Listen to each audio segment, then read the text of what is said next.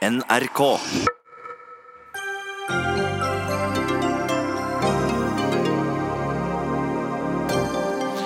Tyrkia har startet sin lenge varslede militære aksjon i den kurdiske delen av Syria. Hva vil Tyrkia oppnå, og får det betydning for kvinnene som eh, vendte Norge ryggen og befinner seg i flyktningleire? 3400 tiendeklassinger i landet gikk ut av grunnskolen uten karakter i mer enn halvparten av fagene. Det er en økning på 150% på ti år. Hvordan løser vi det? Til tross for Aps dårligste kommunevalg i historien, mener lederen av tankesmien Agenda at det aldri har sett lysere ut for sentrum-venstresiden. Det får nyhetsredaktøren i Minerva til å dra paralleller til Iraks komiske Ali. Og litteraturkritiker mener de som mottar årets nobelpris i litteratur, bør takke nei etter alle skandalene som har rystet svenske akademien.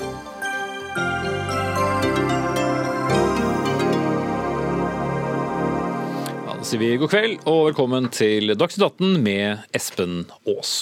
Og vi starter uh, utenriks, for um, Tyrkias president Erdogan bekreftet for bare noen få timer siden at landet har startet sin lenge varslede militæraksjon i Syria. Ifølge nyhetsbyrået Reuters har tyrkiske styrker gått inn med både flyangrep og artilleribeskytning mot kurdiske mål på den syriske siden av grensen. Og på den siden av grensen er også du, vår Midtøsten Midtøsten-korrespondent Kristin Solberg. Eh, hva vet vi om hva som har skjedd så langt etter at eh, tyrkerne gikk over grensen? Ja, Det som har skjedd siden offensiven startet for bare få timer siden, er at vi har hatt bombeangrep med, eh, med kampfly og artilleri i flere områder her i eh, Nord-Syria. Bl.a. Eh, her i Derek, hvor jeg står. Rett bak meg var det et, eh, et angrep med artilleri to ganger mot en, en uh, underjordisk uh, tunnel som den kurdiske UPG-militsen har, har gravd. Det har altså vært en rekke luftangrep andre steder også. Uh, og ikke bare i det området som man eh, kanskje forventet at de skulle gå inn i. Det vi ser er at i, langs grensen eh, så er det, eh, har, har, folk flyktet fra sine, sine, hjem. Denne var jo en lenge varslet offensiv, men likevel så er det jo alltid sånn at en krig kommer alltid veldig brått på. Så vi så mennesker som tok med seg eh, det lille de rakk å få med seg, og forlot sine hus for å flykte lengre inn i eh, de kurdisk-kontrollerte områdene og vekk fra grensen. Vi hører også nå rapporter om eh, de første tapstallene. Foreløpig helt ubekreftede rapporter er om at det er ni eh, drepte. Vi vet ikke helt om det er sivile eller militære foreløpig, og også over 16 skadede på et sykehus i Ain Issa nord for, eh, for Raqqa. Men dette er altså helt ubekreftet eh, foreløpig, eh, for denne offensiven er jo veldig, veldig fersk, og vi får se hvordan det utvikler seg i timene fremover. Hva slags områder er det tyrkiske styrker da går inn i? Ja, Det vi har sett, er jo altså Det som var ventet, var at de skulle gå inn i en slags belte, en slags buffersone langs det, eh, grensen eh, med Tyrkia. Eh, og Områdene man forventet at de skulle gå inn i, var Tel Abidiyad og eh, Ras el Ain. Altså, det er et 100 km langt område der som var, ble patruljert av eh, da, amerikanske soldater. og Det var da de, da de trakk seg ut på mandag at, eh, at denne frykten for offensiven virkelig slo inn. og, og blir på mange måter sett som et grønt lys på det, eller på den offensiven. Men eh, det vi ser nå, i hvert fall hvis vi dømmer fra luftangrep og angrep med artilleri, så har de også slått til flere steder, og også mange steder som er ganske dypt inne i landet. Så er spørsmålet da betyr det at det blir en mer omfattende offensiv, eller betyr det at man går eh, hardt ut i begynnelsen? Men det vil egentlig bare tiden vise. Men alle områdene er jo da i de kurdisk-kontrollerte områdene i Nord-Syria, hvor kurderne har hatt en stor grad av selvstyre de siste årene, eh, noe som Ankara har sett på med stor, stor misnøye. Det er jo også et spørsmål hvorvidt eh, dette innrykket da får eh, følger for den urolige Al-Hol-leiren i, i, Syria, der bl.a. Eh, disse norske såkalte IS-kvinnene og, og, deres barn er internert. Ja, og det kan, det kan faktisk godt hende. Eh, kurdiske styrker her varsler eh, at de ikke vil ha kapasitet til å sikre sikre leirene og fengslene her i Nord-Syria like godt som de har gjort til nå. Og Det har jo vært et relativt begrenset vakthold, i hvert fall i forhold til store antall mennesker som er i Al-Hol-leiren. slik at en reduksjon i den kapasiteten der, det kan få store konsekvenser. Og Dette kommer jo da samtidig med at IS-leder Abu Bakr al-Baghdadi bare for litt siden i en lydmelding oppfordret sine støttespillere til å frisette IS-krigere og deres familier i fengselet og leire her i Nord-Syria. Så det er på mange måter en, en slags perfekt storm. Og Al-Hol-leiren er jo på bristepunktet. Jeg har vært der flere ganger og sett hvordan stemningen eh, blir eh, mer og mer eh, spent. Hvordan kurdiske, kurdiske, styrker har mindre og mindre kontroll. Eh, så det er allerede en veldig prekær eh, situasjon der. Så er det én ting til som jeg gjerne vil si, og det er jo at eh, selve denne offensiven det vil jo føre til at kurderne, og det sier de selv også, vil ha mindre kapasitet til å kjempe mot IS rent generelt, og heller fokusere på Tyrkia. Og Vi ser jo hvordan IS eh, blir sterkere i dette området, og et kaos her er noe de lett kan utnytte. Det så vi bare i morgentimene i morges, da de hadde et omfattende angrep i eh, Raqqa, som jo er sin eh, tidligere selverklærte eh, hovedstat. Mm. Så vi takk til deg, Kristin Solberg. Joakim Parslov, førsteamanuensis i Midtøsten-studier ved Universitetet i Oslo. Som vi har vært inne på, et, et varslet eh, angrep. Hva er eh, det Erdogan først og fremst eh, håper å oppnå med dette? Slå ned kurderne? Ja, nei, det, det, han ønsker å oppnå, er nok det han lenge har sagt at han ønsker å oppnå. og Det er å fjerne Eh, YPG som en eh, politisk og militær aktør. Som er da dette kurdiske området? Ja, så altså YPG er den, den militære vingen til en organisasjon som heter PYD, eh, som er den demokratiske, Folkets demokratiske union. Så YPG er, YPG er, den militære vingen, eh, og YPG utgjør også mesteparten av styrkene i denne SDF, eh, eh, Syrian Democratic Forces, som da er den hæren som offisielt har samarbeidet nært med USA, bl.a. om vaktholdet i Al-Hol-leiren. Så Han ønsker altså å fjerne dem som en politisk og militær aktør fra nord i Syria. Og så sier han også, dette sa han i FNs generalforsamling for bare noen dager siden, at han ønsker å etablere en slags, eh, i hvert fall på, litt lengre sikt, en slags eh, buffersone eller sikkerhetssone som han sier skal gå omtrent 30 eh, km inn i, i, Syria. Og Der sier han også at han ønsker å plassere og bosette flyktninger. og da, da, tenker man seg da særlig syrisk-arabiske flyktninger. Kanskje blant, noen blant de eh, ca. 3,6-3,7 millioner flyktninger som nå befinner seg i Tyrkia. Og bosette dem der. Eh, noe som da selvsagt kommer til å endre demografien der og gjøre den mindre kurdisk-dominert og mer arabisk-dominert. Eh, og det er selvfølgelig historikken eh, som Tyrkia har eh, med, med kurderne som, som spiller inn her. Ja, det er jo det. Altså, først og fremst er det historikken, eh, eh, altså de, de, den lange eh, borgerkrigen som, som, egentlig har vart nå siden tidlig på 80-tallet, mellom den tyrkiske staten og PKK, eh, som, som, egentlig eh, i løpet av den tiden har gått litt sånn over grensen fram tilbake mellom Tyrkia og Syria. Eh, en stund tidlig på 80-tallet og frem til slutten av 90-tallet så, så, var jo PKK også stasjonert i Syria. De hadde Syria som sin base. Eh, sånn tidlig på 2000-tallet så, så, ble eh, de kurderne som liksom hadde sluttet seg til eh, PKK som et ideologisk prosjekt, de etablerte sin egen organisasjon i Syria. Eh, og Det er da PYD, senere da med deres milits YPG og YPJ. Så det er en slags avstikker historisk av PKK. De har sin egen organisatoriske struktur og sine egne kommandolinjer, men det er klart at de er ideologisk veldig nært beslektet med PKK. Det er derfor Tyrkia ser på YPG som en ja, som PKKs søsterorganisasjon, egentlig, eh, som to sider av samme sak. Men hva da med IS? For der har jo kurderne vært en, en viktig faktor.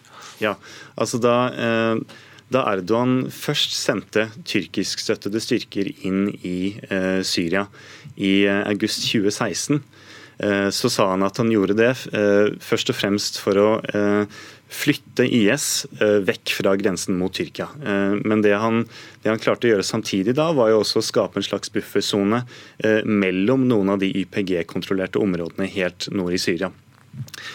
Siden det så har han ikke vært så veldig opptatt av akkurat å snakke om, om nødvendigheten av å bekjempe IS, fordi IS har liksom uansett befunnet seg lenger inn i syrisk territorium. Han har først og fremst snakket om YPG. og Noen av de uttalelsene som nå har kommet fra det tyrkiske utenriksdepartementet, der går de også veldig langt i å si at YPG PKK og IS er egentlig to sider av samme sak. De ser på dem som helt liksom, parallelle trusler. da. Og så eh, spiller jo amerikanerne også en rolle eh, ved å ikke ha noen rolle på, ja, på, denne siden av grensen. Ja, ja eller, de, de, har jo en rolle, enten de vil det eller ikke. Ja, holdt jeg på å si. Eh, de har jo vært med på å forme konflikten, og det er jo eh, i stor grad takket være amerikansk støtte at eh, PID har kommet så langt som de nå har kommet i å etablere en viss kontroll over sine områder nord i, nord i Syria. Så, så, de har en rolle. Men, men, det er klart de spiller jo nå en veldig stor rolle i, i når, når Trump altså bestemmer seg for å trekke ut amerikanske styrker fra det området. og liksom Legge veien åpen for, eh, for Erdogan. Ja, toer sine hender og sier vi vil ikke ha noe mer med den, den konflikten å gjøre. Mm. Ja. Og Apropos Trump, vi skal eh, videre til deg i Washington. Veronica Westrin, eh, hvilke reaksjoner er kommet i USA på det som, som nå skjer? Dette er jo store nyheter her. Det har jo vært venta etter at Trump bestemte seg for å treffe trekke disse styrkene ut av dette området. Eh, men noe som jo har ført til massiv kritikk mot han, også fra hans eh, aller nærmeste allierte i Kongressen. Lindsey Graham er jo blant dem som går ut på Twitter i dag og nok en gang er sterkt kritisk, kaller dette for en katastrofe. Han sier at han vil eh, fortsette å jobbe i Kongressen for at Erdogan betaler en høy pris for dette, og ber også Trump nok en gang om om å endre mening. Så dette er ikke en lett sak for Trump på hjemmebane. Ja, Hva med Trump eh, selv? Har han eh, ytret noe i sakens anledning? Han har eh, tydd til Twitter med store bokstaver og sagt eh, at eh, han er jo da mot å ha så store styrker i Midtøsten. Han sier det er den største feiltagelsen som er gjort i landets historie, og mener altså at man må se, se det overordnede bildet her. Han har et mål om å, å trekke ut disse styrkene, som han jo han kaller dette for endeløse endeløse, latterlige kriger, og har gjort det i flere dager nå. Og har altså et overordna mål om å redusere det amerikanske militære fotavtrykket i verden. Så for han er dette ledd, et ledd i den strategien. Men han har jo også da fått kritikk for dette fra Nikki Haley, som var hans tidligere FN-ambassadør, og da en rekke andre tidligere nære medarbeidere, og også dem som ofte rykker ut og støtter han. Mm. En sak som kommer til å, å rulle og gå videre. Avslutningsvis, eh, Joakim Parslov. Eh, vi var jo inne på mm, Al-Hol-leiren og også denne Al-Roy-leiren, hvor det sitter norske, eh, eller kvinner og barn med norsk tilknytning, i alle fall. Hva, hva tror du? Vil også disse leirene ha en litt usikker fremtid? Uh, ja, jeg, jeg, satt her og fulgte med på, på, Twitter nå før jeg kom inn, og, og der så jeg allerede nå at det, det, kom ubekreftede i hvert fall meldinger om at uh, det på nytt er opprør i den leiren. Uh, vi får se om det stemmer eller ikke, men, men, det er klart at situasjonen der er jo den er prekær, og det er veldig uklart hva som kommer til å skje der. SDF sier at de ikke kommer til å ha kapasitet til å holde vakt der lenger. De, det har allerede kommet rapporter om at de trekker styrker vekk fra den leiren for å sette dem inn i, i kampen mot Tyrkia. Tyrkiske myndigheter er litt uh, uklare med hensyn til om de faktisk er klare til å ta ansvar for leiren eller ikke. Det kommer litt uh, motstridende beskjeder. Så, så, det blir noe å følge med på. i hvert fall. Mm. Takk skal du ha, Joakim Barslov, førsteamanuensis i Midtøsten-studier ved Universitetet i Oslo. Vi skal eh, for så vidt eh, holde oss eh, delvis til temaet, iallfall geografisk, for å si det sånn. Fordi nettopp denne, eller disse leirene har jo vært en stor del av det norske nyhetsbildet i den siste tiden.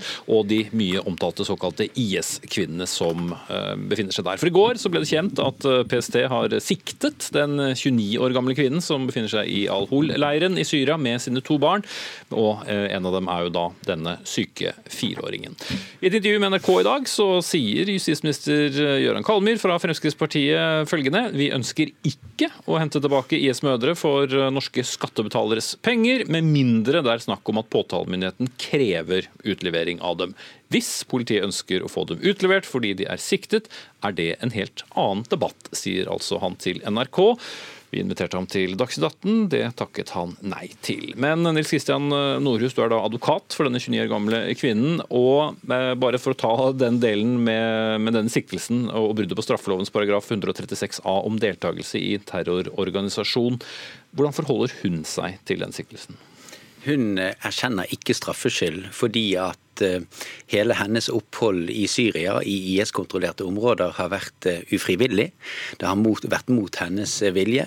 Samtidig så er hun glad for siktelsen, for de gir henne en mulighet til å medvirke i egen straffesak, og fått vært med å, å, å oppklare saken sammen med PST. Mm. Bare ta med også at vi inviterte PST til Dagsnytt 18 i dag. De sier at de ikke har mulighet til å snakke med oss om dette. Det nasjonale statsadvokatembetet har ikke begjært kvinnen utlevert, og NRK får opp opplyst at det ikke er aktuelt på nåværende tidspunkt å kreve utlevering av norske statsborgere i de kurdisk-kontrollerte områdene i Syria. Statsadvokatembetet ønsker ikke å gjøre noen intervjuer om eh, dette. Men dere har altså eh, Norus, levert en stevning og bedt om at hun avhøres eh, i Norge. Ja, det er helt riktig. Og det har sammenheng med at eh, vi mener at hun har en rett til å få være med og oppklare egen straffesak. Hun har også en rett til å få avgjort straffesaken mot seg innen rimelig tid.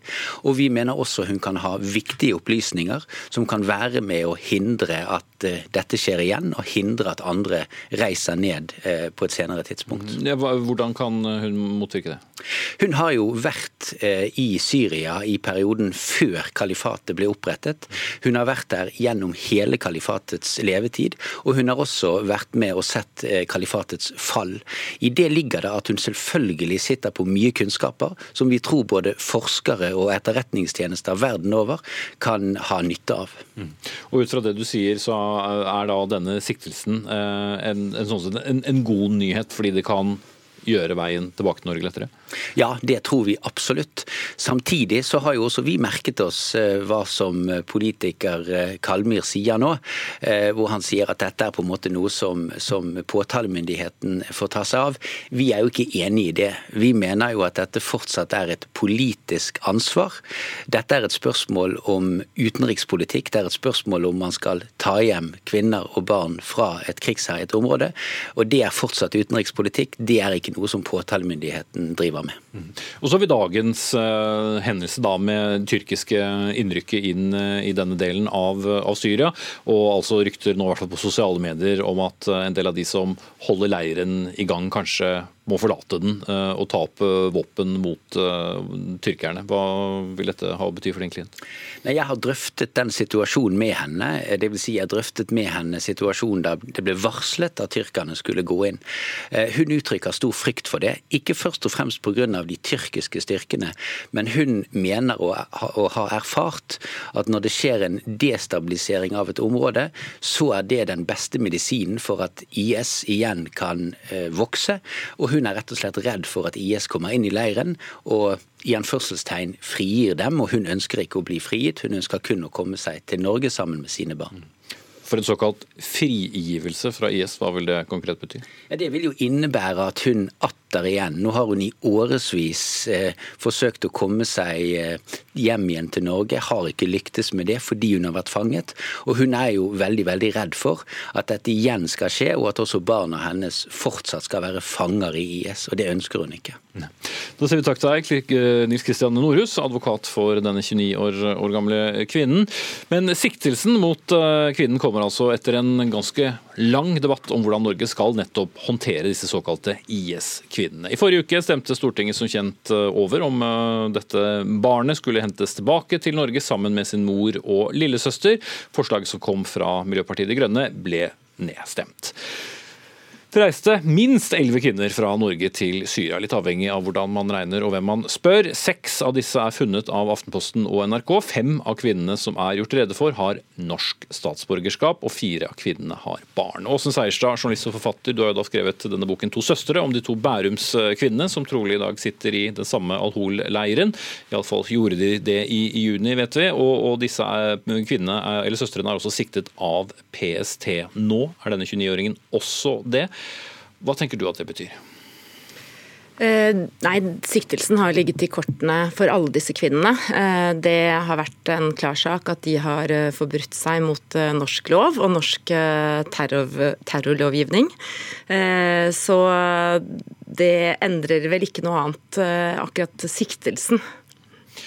Men så sier advokaten til 29-åringen at en, en siktelse kan gjøre veien lettere for å komme tilbake til Norge. Vil det samme da gjelde for de som du har bekjentskap til? Ja, altså Det tror ikke jeg skal gå inn på hvorvidt det blir enklere. Men det er klart at eh, advokaten har, sine, har nå eh, kanskje en, en, større verktøykasse å bruke for å, å få sin klient hjem. Det, men det skal ikke jeg uh, uttale meg om skråsikkert. Nei. Men det er jo også forskjellige agendaer og forskjellige historier som fortelles om disse kvinnene. Hvordan hvordan mener du vi skal forstå kvinnenes rolle i IS ut fra den kunnskapen du sitter på? Kvinnene eh, hadde en ganske begrenset eh, rolle når det gjelder krigføringen. Eh, og derfor eh, er det ikke kommet noe eh, altså bilder eller uttalelser eller, eller vitnemål om at de har deltatt i tortur eller i henrettelser eller i den type forbrytelser, annet enn kanskje det som foregikk innenfor husets fire vegger. Fordi Kvinnene i IS var jo, som vi vet, altså de var jo nærmest stengt inne. De levde eh, uten noen særlig mulighet til å bevege seg fritt. Eh, og, og, derfor eh, er det vel eh, sånn sett nettopp det at de har tilknyttet seg en terror, terrorgruppe, det som eventuelt kan få dem til å dømmes om det så er her, eller om det er snakk, slik det har også snakk, snakk om en domstol i, domstol i, området som virker å være enda lenger frem i tid enn, enn det hittil har eh, virket. Ser vel ut som de fleste vil være opptatt med helt andre ting, i hvert fall i, i nærmeste fremtid. Eh, Kristin Nesse Tue, du har skrevet om eh, IS eh, kvinnelige fremmedkrigere og studerer nå sikkerhetspolitikk og terror i London, hvor du nå er med oss. Hvordan ser du på, på siktelsen av denne 29 år gamle kvinnen? Jeg skal være forsiktig med å spekulere i hvorfor PST velger å ta ut siktelsen akkurat nå, men det framstår jo som at det i hvert fall gir et umiddelbart grunnlag for pågripelse dersom kvinnen skulle lykkes i å komme tilbake til Norge. Mm. Men Du har da tatt til orde for at vi ikke skal hente dem hjem, og sånn sett er fornøyd med regjeringens tilbakeholdende linje. Hvorfor det? Jeg har hele tiden ment at det er et helt urimelig misforhold mellom fokuset på de norske fremmedkrigerne og på lokalsamfunnene som har lidd under IS-terrorveldet. Og jeg mener at hvis vi, for, altså hvis vi setter hensynet til lokalsamfunnene først, så hadde det vært aller beste å få dømt IS-krigerne, inkludert kvinnene, der hvor de er. Ikke bare er det et veldig viktig internasjonalt rettsprinsipp, men da har du også tilgang til vitner. Og det er utrolig viktig for at lokalsamfunnene skal kunne få sin rettferdighet, og for at de skal kunne gå videre, at de kan se IS-krigerne dømt der hvor forbrytelsen har blitt begått. Og I tillegg så har det jo det hensynet at det er jo ikke alle land i verden som har den samme terrorlovgivningen som Norge. I Sverige f.eks. kom ikke lovgivningen som forbød deltakelse i terrororganisasjoner på plass tidsnok, så da vil du ikke ha mulighet til å straffe IS-kvinnene på samme måte. Mm, så da vil nasjonaliteten være avgjørende for, for ettermælet. Men eh, Seierstad, gitt at man skulle uh, hatt et slags tribunal uh, lokalt da i de kurdiske områdene nord i, i Syria f.eks. Hvor uh, viktig ville egentlig disse kvinnene være, sammenlignet da med IS-krigerne, altså deres menn? Nei, det er klart at uh, Kvinnene har spilt en mer tilbaketrukket rolle. Uh, men de har jo fasilitert uh, IS ved å være hjemmefronten og ved å eventuelt lage mat til krigerne. Men ikke minst så dro jo disse jentene også for å på en idé om at de skulle ta, altså skape en statdag, skape Guds stat på jord og, og, befolke den. Så det er på en måte det som har vært eh, deres eh, hovedrolle. Det var vel kanskje noen som dro ned for oss å være krigere, men de ble i tilfelle skuffet, for det mm. fikk de ikke lov til annet enn at de gikk inn i en eh, politistyrke nettopp for å kunne ransake eller for å kunne kroppsvisitere andre kvinner. Når det gjelder domstol i regionen, og jeg er helt enig i at absolutt det er ofrene til IS som vi skal ha fokus på, og det er det aller viktigste. Eh, men samtidig så ser jeg ikke på en domstol som realistisk, og det er heller ingen eh, Altså, de, de internasjonale straffedomstolene vi har hatt, har jo tatt lederne, ikke sant, som det har vært hundrevis, tusenvis av vitner mot. Jeg tror rett og slett skal bli veldig vanskelig å finne noen som kan ikke sant, gå på Aisha eller 29-åringen, eller på en måte eh, Ideelt sett, ja fint, vi kan få vitnehistorier historier. Men, men jeg tror rett og slett at eh, det er eh, det at de har forbrutt seg mot norsk lov, at det er det vi må forholde oss til. Eh, og at vi har domstoler som fungerer, vi har kriminalomsorg som fungerer. Og jeg vil vel mene at de kan komme til å få en mer rettferdig straff her enn en domstol i regionen som ser ut til å være veldig langt frem i tid. Mm. Kommentar til det, Tue? Jeg tror Åsen Seierstad er inne på noe veldig viktig her. og det er jo at Vi er forbi de ideelle løsningene. Men det vi også må ha i mente da, er jo at selv om kvinner ikke har utøvd aktiv vold i kalifatet, så betyr ikke det at de ikke er kapable til det. Og De tilstandene vi ser i Al-Hol nå, hvor kvinnene fra IS har henrettet andre kvinner, viser at de er fullstendig i stand til å gjennomføre vold og terror dersom de får sjansen til det. Og hele debatten rundt barna er jo også en veldig kompliserende faktor, fordi vi tar for gitt at, at IS-kvinnene først og fremst er omsorgspersoner, og ikke terrorister. Men det er jo tross alt de som har brakt barna inn i dette terrorveldet. Og vi ser jo hva de er i stand til å gjøre når de først får sjansen. Så det som kvinnens advokat nevner om at eh, hun er eh, en kilde til informasjon som verdensfunnet kan dra nytte av, det å skulle på en måte rettferdiggjøre og hente henne hjem med en sånn altruistisk sjargong, er altså simpelthen ikke troverdig. Men også det å ressursbruken eh, for å samle da, noen form for beviser mot eh, kvinnene, vil jo være som du er inne på, Åsen Seierstad, ligger ganske langt ned på prioriteringslisten. For skal man vise verdenssamfunnet at et sånt tribunal eh, har et poeng, så vil jo det gå lang tid før noen begynte å interessere seg for å etterforske det. Ja, Det er ikke noe helt konkret som er i gang der. og uh, Som blir nevnt her, Norge er i en heldig stilling at vi har en, en klar terrorlovning, i motsetning til uh, Sverige, som ble sagt her, uh, blant og, og andre land. og jeg tenker vel også at nå er det jo mange debatter som reises samtidig her i kveld. og Barna, eh, Disse seks barna er alle under fem år. Eh, og jeg tenker at vi i en, denne vanskelige situasjonen vi nå er i, så må vi veie hensyn. Eh, og jeg vil tenke at de fire kvinnene som er deres mødre, eh, å få dem hjem til Norge og dømme dem her, eh, det er håndterbart. Vi har et system. Vi har gode forskere, vi har gode psykiatere og psykologer på, på, på barn med krigstraumer. Hvis vi kan også ha det oppe, hva, hva, hva gjør vi med barna? Og for, for, for hvert år som disse barna nærmer seg skolealder, så blir det vanskeligere å integrere dem. Fordi det er vel ingen som tror at de forsvinner om vi ikke henter dem nå. Så eh, hvis vi venter, eh, så syns jeg også det at vi Altså kurdiske selvstyremyndigheter har jo bedt oss, Europa, bedt USA om å hente hjem våre borgere. Eh, kurderne er de som har blødd mest i denne eh, krigen. Nå blir de dolket i ryggen av Donald Trump. og at disse kan absolutt være farlige kvinner, men er det bedre at de er hos kurderne. At det er eventuelt sånn som det blir nå, at kanskje den leiren vaktholdet, den leiren bare eh, forvitrer. Og at de blir såkalt frigitt av IS, og, og, da har vi et globalt problem som er langt uh, større enn om hvert, en, hvert, enkelt europeisk land tok ansvar for sine borgere uh, med, uh, altså under de altså, europeiske måten vi, vi dømmer mennesker, og det mener jeg at vi også må gjøre her. Eh, men også helt kort til slutt, Tue. De vil jo i så fall bli dømt for forbrytelser de har gjort mot Norge, og ikke nødvendigvis da for forbrytelser som de gjorde i det såkalte selvutnevnte kalifatet. Nettopp, og det er jo her jeg mener at de store manglene kommer til syne. Jeg er helt enig med Seierstad i at vi må handle nå, og her skulle jeg ønske at Norge hadde vært mye mer aktive i å fronte en lokal løsning enn det vi har vært til nå. Men dersom vi ender opp med å hente kvinnene hjem, så må vi også være tydelige på eh, at mor og barn sannsynligvis kommer til å bli adskilt. For de stemmene som er hevet nå, bl.a. Abid Raja, som har tatt til orde for at vi kun skal hente hjem barna, eller at kvinnene og barn skal måtte komme hjem sammen, det er jo ikke realistisk. Mor og barn vil uansett bli atskilt. Spørsmålet er ikke om det skal skje, men når det skal skje.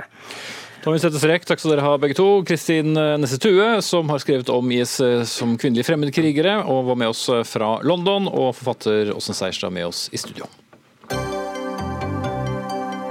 Dagsnytt 18 alle hverdager kl 18.00 på NRK P2 og NRK2. I morgen deles eh, Nobelprisen, eller faktisk Nobelprisene, i litteratur ut. Og senere i sendingen skal vi møte litteraturkritikeren, som mener at eh, forfatterne som får prisene, bør takke nei til dem. Men nå skal vi til eh, hjemlig skole, og nye tall for over 3400 av landets elever gikk ut av grunnskolen uten grunnskolepoeng, som det sier. Det kunne vi høre i radiokanalen P4 i dag. Tall fra Statistisk sentralbyrå viser at 5,5% av alle tiendeklassingene var uten karakterer i mer enn halvparten av fagene, som da gjør at man ikke får grunnskolepoeng, noe som da er en økning på 150 på ti år. Thomas Nordahl, professor i pedagogikk ved Høgskolen Innlandet, du er med oss på linje. Hva, bare helt først, altså, hva skal til for å unngå, eh, eller rett og slett ikke få, gyldig vitnemål fra grunnskolen? Det er at eh, du da får fritak for, for karaktervurdering i mer enn 50% av fagene, og at det fritaket er knyttet til en sakkyndig vurdering utført av PP-tjenesten. Mm.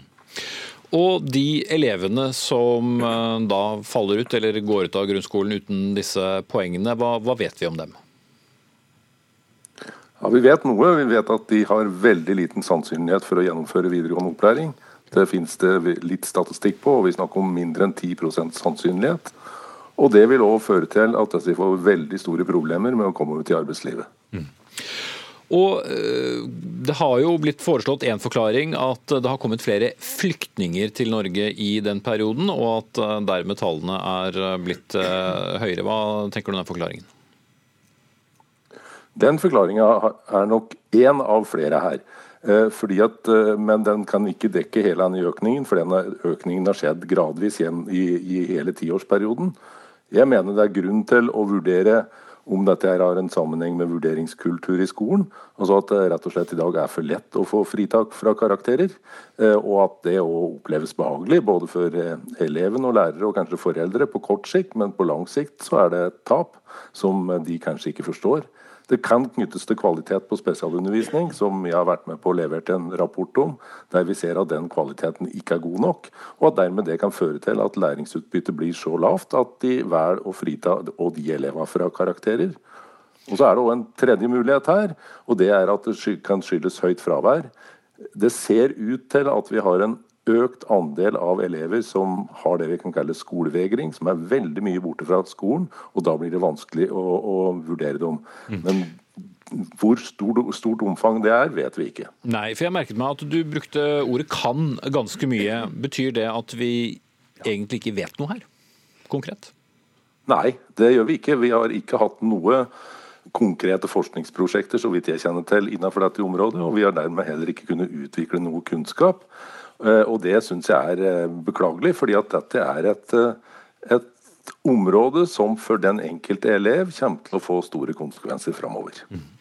Og kort til slutt, Hva tenker du må til for å snu en, en slik trend? For det første så må disse elevene her møtes av lærere og ikke assistenter. Det ser vi at veldig mange av disse elevene her har. De har assistenter uten pedagogisk utdannelse, og da er det ikke veldig overraskende at læringsutbyttet blir lavt. Det andre er at dette må ha en mye, mye tettere framgang oppfølging på framgang i læring, slik at vi følger mye mer bærer med på hvordan det går med dem. Og så må de bli møtt med høye realistiske forventninger. Dette er elever nå som nesten blir møtt uten forventninger, fordi at fritak fra karakterer er på mange måter å si det samme som de har vi ingen forventninger til. Da sier vi takk til deg, Thomas Nordahl. Jan Tore Sanner, kunnskaps- og integreringsminister. Hva tenkte du da du hørte den beste tall, den økningen? Dette er eh, eh, bekymringsfulle tall. Eh, først og fremst for de ungdommene dette gjelder. Jeg er helt enig med Thomas Nordahl i at hovedutfordringen er at disse ungdommene vil ha store problemer med å fullføre og bestå videregående skole. Og Får du ikke fagbrev eller et vitnemål som gjør at du kan studere videre, så er veien veldig kort til arbeidsledighet. Så er det ikke helt riktig at vi ikke vet eh, noe om denne gruppen. Vi vet ganske mye. Vi vet at i denne gruppen så er det mange som får spesialundervisning. Der er jeg enig med Thomas Nordahl at vi må bringe kompetansen nærmere barna. Hvis vi får spesialundervisning, så vil jeg nesten tro at det, det ville hjulpet? Litt av utfordringen der er at, eh, at den undervisningen veldig ofte eh, skjer eh, av assistenter. Mm, jeg forbereder nå en, en, stortingsmelding som kommer i løpet av denne høsten, som nettopp handler om hvordan vi kan sørge for at kompetansen skal være der barna er. Det andre vi vet, det er at dette er en elevgruppe som har veldig høyt fravær. Og det er Gjennomsnittlige fraværet for disse elevene er 30 dager. Eh, Dvs. Si seks uker i løpet av et år. Og er du ikke på skolen, eh, så mister du både faglig og sosial læring. Derfor så trenger vi en oppfølgingsplikt som gjør at barna følges opp. Og så er det det siste. Det er at eh, vi de siste årene har fått en stor gruppe flyktninger. Og flyktninger med kort botid i Norge de vet vi sliter på skolen. Det er bakgrunnen for at vi nå har, for neste år gir fylkene mulighet til å gi den gruppen et opplæringstilbud i videregående skole, men hvor de får grunnskoleutdanning. Såkalte kombinasjonsklasser. 3000 elever vil få det tilbudet. Det gjør at de vil få påfyll av det de mangler, slik at de får større mulighet til faktisk å fullføre og bestå videregående. Mm. Alida De Lange Degostino, du er da leder av Elevorganisasjonen, og, og dere mener altså også at spesialundervisningen er uh, en viktig årsak til dette. Hvordan da? Ja, eh, det er jo en av eh, årsakene til at eh, dette kan ha skjedd, tror vi. Og den aller største bekymringen vi har, er jo som det har blitt påpekt nå også, at halvparten av den undervisningen som foregår for de som trenger spesialundervisning, den foregår av ufaglærte assistenter. Det er kjempealvorlig. Og der så det blir ikke så veldig mye spesielt, den undervisningen, rett og slett? Fordi du ikke har ja, riktig folk? Du får jo ikke den hjelpen du trenger, da. Og da er det jo ikke rart at det ikke går så bra med de elevene som trenger det. Så eh, der har vi høye forventninger til hva regjeringen kommer til å gjøre fremover. Mm. Og så er Det sånn at det er langt flere gutter enn jenter som eh, går ut av grunnskolen uten eh, karakterer som, som kan brukes videre. Hva kan ja. grunnen være til det? Nei, Vi vet jo at særlig gutter har et større behov for ekstra hjelp med læring. Omtrent 70% av de som får spesialundervisning, er gutter. Og dette med kjønnsforskjeller det er et veldig vanskelig, altså det, det er en vanskelig problematikk, da, for det har en del negative konsekvenser konsekvenser. Eh, gutter har eh, Når de sliter, så ser man det mer tydelig. Eh, man har mer sånn eksternaliserende vansker, som f.eks. ADHD. Mens jenter de lider litt mer i stillhet. Da. Og det man ser er også at eh, det er de med de synlige vanskene som opplever at det har større negativt utslag i eh, skoleprestasjoner. Så det kan jo ha noe å gjøre med at det er flere gutter som står uten grunnskolepoengen. Men skal vi forstå oss bedre på det inne i skolen, eller må vi ta i bruk litt heftig ytre virkemidler? Sanner? Jeg mener at vi nå er inne på noe av hovedutfordringen i, i skole, skolen og skolepolitikken. Og det er at noen av de elevene som sliter mest, får dårligst oppfølging. Eh, det handler om spesialundervisning, som vi har vært inne på. Eh, at elevene ikke møter faglært, eh, faglært kompetanse. Derfor så må vi bringe den kompetansen nærmere barna. Og så er det, Jeg reiser jo mye rundt i, i Skole-Norge, det gjør vi begge. Og Der ser jeg mange skoler, mange lærere som jobber veldig godt. Men jeg ser også enkelte steder at det er en vente-og-se-holdning. Dette går sikkert over. Og Det vi da opplever, det er at små problemer får lov til å vokse seg store. De ungdommene som sliter i utgangen av ungdomsskolen, de problemene de startet ikke i åttende klasse. Veldig ofte starter det tidlig i skoleløpet, kanskje allerede i barnehagen. Og det er Derfor tidlig innsats er så utrolig viktig. Både den tidlige innsats som skjer i barnehagen og de første årene på skolen, men også at vi tar tak i utfordringene når de oppstår. Er det fravær, så kan det skyldes utfordringer hjemme eller det kan skyldes at eleven ble mobbet på skolen. Det må vi ta tak i. og Derfor så trenger vi en oppfølgingsplikt som gjør at skolen har et ansvar for å ta tak i problemene når de oppstår. Men da lurer jeg på, da, altså Hvor skal de ressursene tas fra? Vil ikke det da gå utover de andre elevene, hvis det skal være en enda tettere oppfølging for, for av disse elevene? For å være veldig tydelig, De elevene med de største problemene skal også ha mest, de mest kompetente lærerne. Sånn må det være. Vi må løfte de elevene som blir hengende etter. Eh, både fordi at de elevene skal få muligheten til å få en utdanning så de kan klare seg selv, og det er viktig for oss som samfunn. Eh, og Når vi har fått eh, rapporter som viser at de elevene som sliter mest, veldig ofte møter assistenter, ja, så må vi gjøre noe med det. Ja. Og Allerede i budsjettet for neste år så øker vi kompetansesatsingen på spesialpedagogikk med 25 millioner kroner. Det betyr at flere lærere kan få kompetanse som gjør at de elevene kan få mer og bedre hjelp. Høyre har eh, styrt eh, utdanningspolitikken i dette landet i seks eh, år. Tenker dere i Elevorganisasjonen at de burde tatt tak i dette før, eller var det først nå vi ble klar over det? Nei, dette burde jo ikke ha skjedd i det hele tatt. da. Eh, men det er utrolig bra at det er på dagsordenen nå. Eh, som jeg sa, jeg har store forventninger til eh, dere nå. Og vi håper jo at det dere bevilger vil være nok, for hvis ikke så kommer dere til å høre det fra oss. Mm. Jo, men hva tenker du da om at det vil kunne ta ressurser fra, fra andre elever, hvis vi må ja, det, det, er vanskelig å prioritere, men når vi ser at det er assistenter som, eh, som, hjelper disse elevene som trenger mest hjelp, og som faller fra og forsvinner helt fra skolen, da er vi nødt til å sette inn støtene der. Det må vi. Så er jo litt av utfordringen også at, eh, at noen, noen tror at spesialundervisning gjør at du får noe ekstra. Men det som skjer, det er at du ofte får noe helt annet. Eh, de som, eh, som, lykkes, eh, eller Mange av de som lykkes bra med, med de elevene som, som, har behov for ekstra hjelp, de gir det også i, innenfor klassen. Sørge for at du har god kompetanse i, eh, i klasserommet. Ikke bare én lærer, men også at du kan flytte mer kompetanse inn. Det er bra for den eleven, men det kan også være bra for elevgruppen samlet sett. Mm. 150% økning på ti år også. Takk skal dere ha, Jan Tore Sanner, kunnskaps- og integreringsminister fra Høyre. og, og Arida Delange Dagostino, leder av Elevorganisasjonen.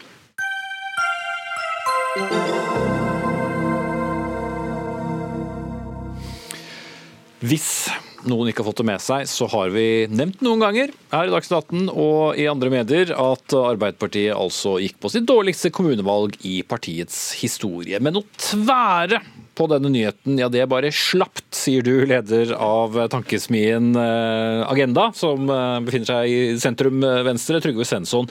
Du mener tvert imot at det hele ser svært så lyst ut for venstresiden, til tross for et katastrofevalg for Arbeiderpartiet? Ja, Bakgrunnen eh, for at jeg ga et intervju til Minerva, som jo er med meg her i dag, det, det, var, det, var, jo rett og slett at jeg etter valget hadde lest utrolig mange kommentarer til jeg klarer om nettopp det, om sosialdemokratiets krise. Eh, og det er jo klart 24,8% ikke et veldig, bra, et veldig dårlig valg for et parti som pleier å ligge litt sånn rundt 30% i lokalvalg. Litt over og litt under, alt ettersom. Eh, men eh, når da Minerva da kom og skulle gjøre enda et intervju med meg. Og så så så være en konservativ eh, avis, ja. Nettopp. Og så om denne historien. Og så så jeg på kommunekartet, og så var det ingenting blått der. Altså bare noen få blå flekker. Og når du går inn i tallene og du skal se hva som er resultatet av lokalvalget 2019, så er jo fortellingen derimot at Høyre er utradert som lokalparti, som styringsparti lokalt. De styrer nesten ingen kommuner lenger alle landets fylker, bortsett fra ett, styrt av sentrum venstre. Oslo, Bergen, Stavanger. Kanskje akkurat når vi sitter her, så blir Kristiansand styrt eh, i sentrum venstre. Alle de store byene. Men det er likevel ikke på grunn av, men snarere på tross av Arbeiderpartiet? Det er pga. at sentrum-venstre har gjort et veldig veldig godt valg. og Jeg jobber i en sentrum-venstre-tenketank. og jeg, jeg, tenker at det, det, er noe med at Hvis velgerne kun får høre denne historien om at venstresiden liksom har gjort det så dårlig, og så er realiteten at de faktisk skal bo i kommuner som er styrt av sentrum-venstre-koalisjoner, så får du, det blir rett og slett en veldig dårlig politisk analyse. Og det, Jeg mener jo at mediene tross alt bør prøve å reflektere den faktiske virkeligheten. Mm. Og her er vi, i Dagsnytt 18. Aksel Fridstrøm, du er da nyhetsredaktør i eh, den borgerlige avisen eh, Minerva, og dere intervjuet altså Svensson. Men da jeg snakket med deg tidligere i dag, så dro du lett paralleller til Iraks gamle velkjente informasjonsminister, komiske Ali. Ja, altså jeg mener jo, Det er jo hyggelig selvfølgelig at Svensson har, eh, har, lyst til å bli intervjuet, hos oss, men vi er ikke nødvendigvis så enig i det han har å si. Og jeg tenker at Når man starter med en eh, diskusjon som dette, så er det jo først viktig å ha for seg hvor er det man legger terskelen for suksess. For Hvis du legger den terskelen lavt nok, så vil man selvfølgelig alltid kunne feire et hvilket som helst resultat. Men jeg tenker at det er naturlig å tenke på Arbeiderpartiet f.eks. som en langrennsløper som har vunnet individuelle gull på alle distanser i alle år, men som nå går saktere og saktere. Og så kan man selvfølgelig si at det gjør jo ingenting, for at man kan fremdeles vinne med stafettlaget. Men jeg tror at det er en altfor enkel analyse. For det handler om at i gamle dager så vant venstresiden valg pga. Arbeiderpartiet. Og når de vinner nå, så er det i så fall på tross av. Og det er en helt annen dynamikk. Og det reflekterer også en krise som både er i de sosialdemokratiske partiene og partiene på venstresiden generelt. Mm. Summen av Arbeiderpartiet, SV og Rødt har aldri vært dårligere enn det det var nå. Sånn. Vel, altså, så vidt jeg husker, så var komisk Ali, han sto altså foran Bagdad, som ble bombet i stykker og sammen. Og så prøvde han å peke på alle mulige andre som hadde problemer. Og det er jo nettopp det norsk høyreside gjør nå. For det vi ser, er jo at det er de konservative partiene som er i krise. Høyre er altså utradert som styringsparti lokalpolitisk. Eh, sammen med Høyre og Frp, som er veldig interessant å følge med på i norsk politikk, hva type oppslutning de har sammen. Så de har altså gått fra å ligge nærmest opp mot 40% til nå ligge på 28% Det samme bildet ser du i hele Europa. Konservative partiene, konservative partiet, partiet i Italia har vært utredet. Jo, jo, la oss ikke gå gjennom alle de. Ja, ok, men ta ett, da. Ta Torriene, som da er Høyres søsterparti som er altså i ferd med å rive i stykker Storbritannia. Så de konservative partiene er i krise. Og Så, men, men, så, det er fortsatt høyest oppslutning. Men, men, så syns jeg det er veldig interessant det poenget, stafettpoenget, eller hva du skal kalle det. For det som er realiteten, er jo at i 2011 så gjorde Arbeiderpartiet, sånn som han eh, sa, et godt valg men fikk veldig veldig dårlig oppslutning etter valget. Etter det så vet jeg at de gikk i seg sjøl og sa vi holder ikke å få 33% du må også få gode samarbeidspartnere. Da var det Raimond Johansen, som nå styrer Oslo, som var partisekretær. Han tok til orde for at de måtte bli et mye bedre samarbeidsparti. Lanserte liksom kaffekoppen som metafor. Mm. Og det er og, og det du ser resultatene av nå. Ja, og kan vel takke MDG bl.a. for at han sitter ja, videre i, i, Oslo. Eh, men Fridstrøm, ja, fortellingen om, om Høyre i dette valget er jo heller ikke nødvendigvis eh, fantastisk. Nei, og Det tenker jeg at Svensson har helt rett i. Altså, det er helt riktig at det går dårlig med de, de borgerlige og De er et matematisk faktum at de har gjort et dårlig valgresultat. Men det er jo på ingen måte ensbetydende med at det går veldig bra med de sosialdemokratiske partiene. og Det er nettopp det som er det paradoksale. Nemlig at i, i eldre tider, holdt jeg på å si, når Høyre gjorde det veldig dårlig, så var det naturlig å tro at Arbeiderpartiet gjør det bra. Og nå er man i situasjonen hvor Arbeiderpartiet ikke klarer å utnytte nettopp det at høyresiden gjør det dårlig. Og Det er det som gjør denne situasjonen til unik. og Det er nettopp derfor også det er naturlig å snakke om at er nettopp Arbeiderpartiet har ganske store problemer. Mm. For vel, Aldri før har jo så mange velgere valgt nettopp eh, Arbeiderpartiet ryggen, men fordi Senterpartiet er stort, MDG er stort og SV har vokst, så eh, gjenvant de kontrollen i mange byer, og vant også kontrollen i noen til. Ja, nettopp. Og det, det som jeg tror velgerne er opptatt av, da, at the end of the day, det er kanskje ikke så mye sånne store fortellinger som folk som er veldig opptatt av politikk, har lyst til å lage. Sånn, om krise her eller der. Det de er opptatt av, er jo hvordan blir skolen, hvordan blir eldreomsorgen, eh, hvordan blir klimaarbeidet. Og realiteten lokalpolitisk i Norge nå er at det blir utformet i sentrum-venstre. Det betyr tillitsreform for offentlige ansatte, det betyr mer klimaarbeid, det betyr mer kollektiv. Det, det betyr andre typer vær, det betyr skolemat mange steder. Og det er jo det som er det viktige. Og det, det, er, liksom, det er litt av det poenget jeg prøver å fremme. da. Mm. Men, ja. Ja, men disse tingene er jo også betinget av de respektive partiene på venstresiden sin oppslutning. Og det er klart at Når Arbeiderpartiets oppslutning går ned, og partier som er til høyre for Arbeiderpartiet eller inn mot sentrum styrker seg, så betyr det at Arbeiderpartiets forhandlingsmakt er vesentlig svekket. Så følgelig så er det da et reelt problem for Arbeiderpartiet. Og det er jo ikke slik at nødvendigvis sentrumspartier er så veldig enkle å samarbeide med. Altså eksempel, Som Knut Arild Hareide har eh, demonstrert veldig tydelig, så er det mange i sentrum som liker å ombestemme seg, og det er ganske ofte. Så hvis Arbeiderpartiet er veldig avhengig av å samarbeide inn mot sentrum, så er det en, en betydelig verre situasjon for Arbeiderpartiet enn å være, kunne være i stand til å vinne valget for egen maskin. Ja, det, jeg tror jeg rett og slett, jeg syns det blir en veldig tynn historiefortelling. Det som er realiteten nå, det er at 3,2 millioner nordmenn bor i en kommune styrt av Arbeiderpartiet. 900 000 nordmenn bor i en kommune styrt av Senterpartiet. SV har gått fram og gjort et kjempevalg til tross for at de utfordret både fra rød og grønn side. MDG har gått fra å være et mikroparti til å bli det femte største partiet i Norge. Så hele sentrum-venstre har altså rykket kjempelangt fram. Det former norsk politikk, og det er en mer presis analyse enn å på en måte tvære på, sånn som Minerva da gjorde et forsøk på og hadde lyst til å komme til meg og snakke enda en gang om sosialdemokratiets krise. Det er ikke et presist bilde for velgerne, rett og slett. Ja, men antallet ordførere som Arbeiderpartiet ser ut til å få, går også ned. NRK skrev en sak nå, tror jeg, i 4. oktober, hvor de meldte at det var 135. Det var 201 i 2015. Det var 153 i 2011. Det var 179 i 2007. Så det går heller ikke bra for Arbeiderpartiet å telle antall ordførere. Men selvfølgelig, hvis du velger å inkludere absolutt alle partier som Arbeiderpartiet kunne tenke seg samarbeide med en eller annen gang i en sånn pott, så vil du lage et sånt regnestykke. Men det er ikke spesielt Nei, altså, det, forteller veldig lite om hvordan det går med Arbeiderpartiet per se. Hvis du leser norsk kommunepolitisk kart og fylkespolitisk kart etter 2019 og sier at, på en måte, og sier at det ikke ser rødt ut, da begynner jeg å lure liksom, på hvilken verden du befinner deg i. For det er jo veldig veldig åpenbart hvordan det valget har gått, og hvem som styrer Norge nå. i Ja, men Det er tross alt ikke pga. Arbeiderpartiet. Vi setter strek der, vi. Aksel Fridstrøm, nyhetsdirektør i Minerva, og Trygve Svensson, leder i Tankesmien uh, Agenda. Og så vil jo alle dere der hjemme vite at det aller viktigste er nå å se hvordan de som til slutt ble valgt inn, eller til slutt fikk makten, klarer å styre kommunen der dere bor. Hør Dagsnytt 18 når du vil. Radio NRK Radio.nrk.no.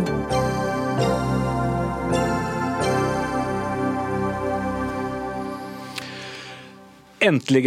I morgen deles omsider Nobels litteraturpris ut for første gang på to år. For pga. metoo og en enorm offentlig skittentøyvask i Svenske Akademien gjennom fjoråret, ble det altså ikke delt ut noen pris i 2018, og det var også en stund usikkert om det ville bli noen pris i år. Men så blir det gitt ut ikke bare én, men to litteraturpriser nå. Men Bernhard Ellefsen, du er litteraturkritiker i Morgenbladet og mener at forfattere rett og slett bør takke nei til en eventuell nobelpris i litteratur. Det sa du til til det svenske eh, telegrambyrået Tete i, i forrige uke. Hva skulle grunnen til det være? Det er jo dessverre fordi at uh, denne prisen fortsatt deles ut av Svenske Akademien. Da. Så uh, Det er jo for så vidt konsekvensen av at de har jobben. det som skulle ha skjedd, var at Nobelstiftelsen, som, som, jo har ansvaret for prisen, skulle ha tatt fra Svenske Akademien hele jobben, da de ikke maktet å gjøre noe som helst seriøst oppryddingsarbeid etter, etter skandalen i 2017. Mm. Så um, forfatterne må ta den skitne jobben da, etter at uh, systemet ikke har uh, rydda opp, tenker jeg. Inger Merete Hobbelstad, kommentator i Dagbladet, med oss uh, fra Bergen. Hva tenker du, bør uh, forfattere vise et slags ansvar her og takke nei til en pris? Nei, Det syns nok jeg blir for strengt. altså At dette skal legges på den enkelte forfatters eh, skuldre. Eh, og at de skulle bli nødt til å si nei til en pris som fremdeles er tross alt fremdeles er prestisjetung. Det er snakk om veldig mye penger fremdeles. Eh, fordi, fordi Svenskeakademien ikke har klart å, å rydde opp i sine egne, sine egne, affærer. Det jeg tror Bernhard Ellefsen og jeg er helt enige om, det er at håndteringen av skandalen innad i den svenske akademien har vært helt utrolig semmer. Altså forsø forsøkene på å rydde opp etter at det var da denne skandalen knyttet til trakassering, overgrep som var begått av en person som sto akademien svært nær, eh, endte jo med at de nærmest skalket lukene, kastet ut personen som prøvde å rydde opp, eh, og egentlig vant ved å bare være stri og skamløse og vente til demonstrasjonene ga seg. Det er ikke noen måte å håndtere konflikter på, men dette er ikke vinnernes skyld og, og ikke deres ansvar, og det bør de være foruten. Ja, Ellefsen, hvor, stor, uh, hvor store følger ville fått? Uh, med unntak av den voldsomme publisiteten, uh, selvfølgelig, hvis noen hadde takket nei til, til prisen i morgen? Ja, altså det, det at forfattere må takke nei. Det er jo liksom ikke hovedpoenget, selvfølgelig. Igjen da, Det er sånn den ulykkelige konsekvens av at det ikke har vært rydda opp rundt denne egentlig veldig altså den kule prisen, da, som nobelprisen jo er. Eh, konsekvensen tror jeg jo ville vært for den enkelte forfatter en helt eh, spektakulær opptur. da. Det ville vært en eh, markering av intellektuell og moralsk selvstendighet som jeg tror de fleste ville kommet svært styrket ut av. da. Så Derfor kan det jo faktisk skje også, tror jeg. da. Men, men det skyldes jo igjen, altså, det må sies at dette er jo en pris som ikke bare liksom er moralsk bankerott nå, da, men også intellektuelt bankerott, tenker jeg da. Mm. Og Akademien skal jo på en måte ha dømmekraft nok til å, til å velge en eh, vinner. Og den dømmekraften tenker jeg ikke eh, liksom står høyt nå, da. Martin eh, Aagaard, du er kulturjournalist i Aftonbladet og med oss fra Sverige. Hva tenker man i Sverige nå om litteraturprisen? Har den den samme statusen? Nej, det är klart den har liksom påverkats allvarligt. Men jag undrar faktiskt om inte eh, statusen utomlands ändå är, är lite mer att, att, att Nobelprisets status och akademins status utomlands har påverkats mycket, mycket mer. För att i Sverige är ju liksom akademin känd för betydligt fler saker än bara Nobelpriset. Man är ju liksom en viktig central institution för hela det litterära livet och även den akademiska världen. Så där finns det liksom en, en, en lång tradition av samarbete och respekt för akademin som egentligen inte påverkas av av det här senaste årets debacle. Och jag tycker ärligt talat att liksom eh, uppmana författare att tacka nej till priset. Jag menar, Svenska Akademin har straffats hårt nog för det här. Och vad vi ser nu är ju en ny Svensk Akademi som har skaffat sig, de har till och med förnyat sina stadgar för första gången på 200 år. Och, och, eh, den person som ärligt talat varit liksom centralfigur här, Horace Engdahl, som har varit den som har varit mest bespottad på grund av, krisen i ekonomin, han sitter inte längre med i den litterära kommittén. Och ska vi vara ännu mer krassa, det är ju faktiskt ärligt talat omöjligt att utse en världsmästare i litteratur varje år. Det som är intressant med det här priset är att det finns en kontinuitet, att det är Svenska Akademin som varje år utsett vad de anser är en världsmästare i litteratur. Mm. Och skulle man flytta det priset till någon annan så skulle det inte bli hälften så intressant. Ja, for Det er jo det mange har, i hvert fall tok til orde for, Ellefsen, at det er noen andre som burde delt ut prisen? Ja, jeg tenker det hadde vært helt mulig. Altså, Prisens kontinuitet hadde nok vært sikret likevel. Akademiet akademi er ikke, er ikke, så kjent internasjonalt, eh, tror jeg, da, på, på, den måten at det må være akkurat dem. Det finnes jo også et annet akademi i Sverige som kunne ha gjort eh, jobben. Litterær dømmekraft er ikke liksom, forbeholdt disse ytterst få. og, og mm, det kunne vært løst på andre måter, men altså, for min del så burde hele prisen vært lagt ned nå. Nå har den ingen verdi lenger, mener jeg. Altså. Dette er er, jeg er helt uenig i at um, de har vært straffet hardt nok. Uh, for meg så er det status quo, mer eller mindre. Altså at uh, Hva sier du til det, Ågård? Endringene av de har vært helt ubetydelige. Ågård, jag, jag, jag, tycker jag ser en, en, institution som börjar fungera igen. Jag, jag inser att de kanskje ikke tycker om varandra särskilt mycket i svensk ekonomi fortfarande. Men, men de kan samarbeta och imorgon ska de upp till bevis och visa at de kan gjøre det. Ja, jeg, tror, jeg tror det kan bli interessant. Hobbelstad, er prestisjen i prisen blitt eh, senket? Ja, altså det har det nok. Du ser at Dette er jo ikke ting som går vekk. Det er en del av uh, diskusjoner rundt nobelprisen uh, nå. Og, og, du kan jo si at den, det oppgjøret som Ellefsen etterlyser altså kan, Vi vet jo ennå ikke hva en vinner eventuelt vil bruke denne plattformen til, som da denne prisen gir. Men noe jeg syns er verdt å bemerke dette, altså, er at jeg syns det er fryktelig viktig at det finnes en institusjon som eh, Nobelprisen og som Svenske Akademien, eller for den saks skyld noe tilsvarende. Fordi noe av det man ser så mye nå, det er at i den brede kulturoffentligheten virkeligheten, da, så er det så mye som handler om de populære tingene, de tingene som selger mest. Det tar opp større og større del av oksygenet. Eh, som kritiker så merker jeg at jeg ofte blir eh, invitert for å forklare hvorfor noe er populært. altså Mer enn å liksom, ta en diskusjon hva er det gode og det dårlige eh, i kulturbildet akkurat nå. Og det at det finnes en pris, og at det finnes en institusjon med tyngde og historie som har som oppgave å velge det de anser som å være av høyest kvalitet, og ikke skjele til alle disse andre hensynene. Hvem er populære, hvem liksom, er den og den appellerer til den og den målgruppen. Det syns jeg er bra. Det er verdifullt, det er verdt å hegne om. Og så kan du si at det burde tatt en, vært tatt en mye større oppvask her, det, det er vi eh, enige om, tror jeg. Men det er noe med at, at denne oppgaven er veldig verdt å gjøre fremdeles. Ja, og Bernhard Ellefsen, hadde prisen vært like gjev og, verdig dersom det var noen andre som skulle dele den ut, og sånn sett måtte bygge seg opp på nytt gjennom mange år? Nei, altså Det hadde ikke vært nødvendig. Det er jo fortsatt en nobelpris, og det ville fortsatt vært Nobelstiftelsen som hadde på en måte, hatt ansvaret for å si hvem som skal gjøre det osv. Men bare for å ta eksempelet. altså I morgen kommer vi til å få veldig, veldig kort tid, så det må være kort. Ja, vi, vi, kommer til å få vinnere i morgen. Eh, det kommer til å fortolkes og diskuteres hvorfor akkurat disse har vunnet. og De kommer til å være en helt umulig posisjon. For det kommer til å diskuteres ble de valgt fordi det skulle kompensere for skandalen på den måten. Var det viktig å få to kvinner nå? Det blir ikke verdige vinnere nå. Det er en helt umulig situasjon å velge ut to vinnere i. da, Martin Aagaard, helt til slutt. Gleder Sverige seg til å utrope to uh, mottakere av nobelprisen i morgen?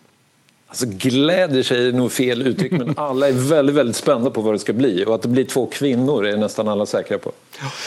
Som eh, jeg vel vitset om for et års tid siden, kanskje burde noen delt ut en eh, nobelpris i dårlig kjemi til Akademiet. Vi sier takk til alle tre. Inger Merete Hobbelstad fra Dagbladet, Bernhard Ellefsen fra Morgenbladet og Martin Aagaard, kulturjournalist i Aftonbladet. Dag Dørum var ansvarlig for denne sendingen. Marianne Myrhol tok seg av det tekniske. Jeg heter eh, Espen Aas, og det er overhengende fare for at vi er tilbake på samme kanal i morgen.